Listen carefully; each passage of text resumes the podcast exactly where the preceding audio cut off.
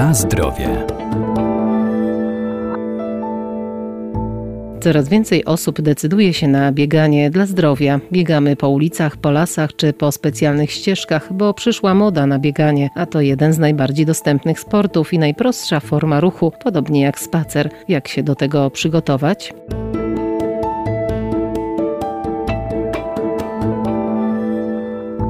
Ruch to samo zdrowie, a systematyczne bieganie ma pozytywny wpływ na wzmocnienie serca i układu krążenia i tak jak spacer poprawia kondycję, pozwala także dotlenić i hartować ciało. Zanim jednak rozpoczniemy przygodę z bieganiem, warto pamiętać o pewnych zasadach. Żeby rozpocząć bieganie, trzeba tak jak do każdej rekreacyjnej działalności przygotować się nieco. Mianowicie cały bieg oparty jest na kończynach dolnych i należałoby zwrócić uwagę właśnie na te partie mięśniowe. Dr Krzysztof Krawczyk, Centrum Kultury Fizycznej UMCS w Lublinie. Najprostszy sposób marsze, marsze długotrwałe w dobrym tempie, albo też ćwiczenia na siłowni, albo ćwiczenia nawet w domu, które angażują grupy mięśniowe, te, które są nam w bieganiu najbardziej przydatne. Wszystkie mięśnie kończyn dolnych, ale też mięśnie pośladkowe, mięśnie tułowia, czyli taki ogólny trening siłowy. Dobrze by było sobie wcześniej rozpocząć, a oprócz tego, żeby przygotować organizm do tego wysiłku specyficznego,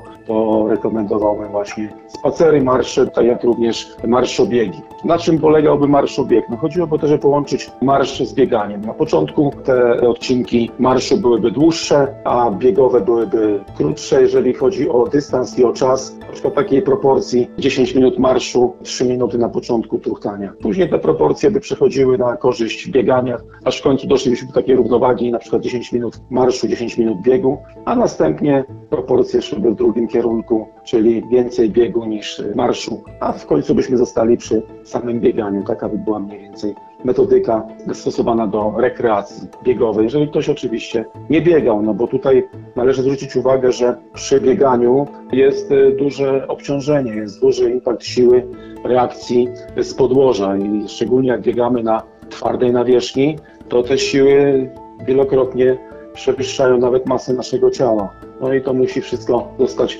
później skompensowane poprzez układ mięśniowy, stawowy, kostny naszych kończyn kręgosłupa. Dlatego też należy wybierać do biegania odpowiedni teren, najlepiej właśnie taki ustępujący, czyli miękki, amortyzujący, no ale nie zawsze jest taka możliwość. Na zdrowie.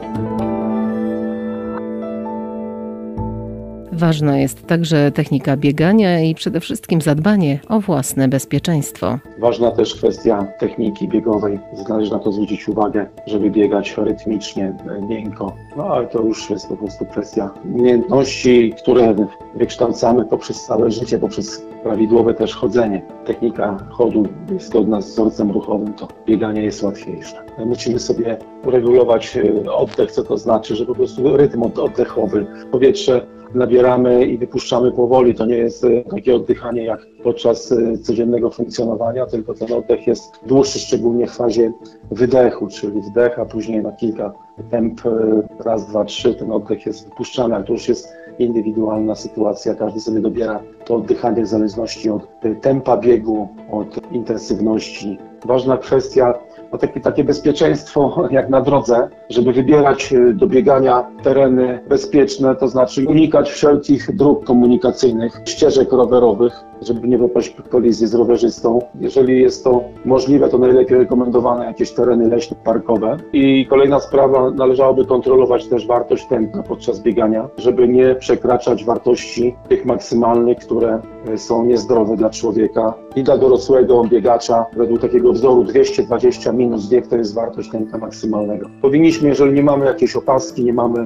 sport testera, to bynajmniej raz na jakiś czas sobie sprawdzić na tętnicy szyjnej wartość tętna, a jeżeli poczujemy jakiś dyskomfort, to natychmiast powinniśmy zmierzyć, czy to nie jest za wysokie.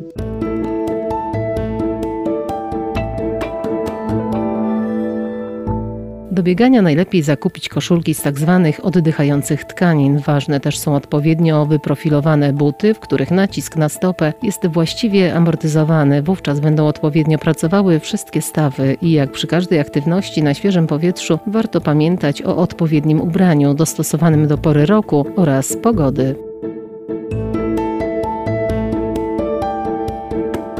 Na zdrowie.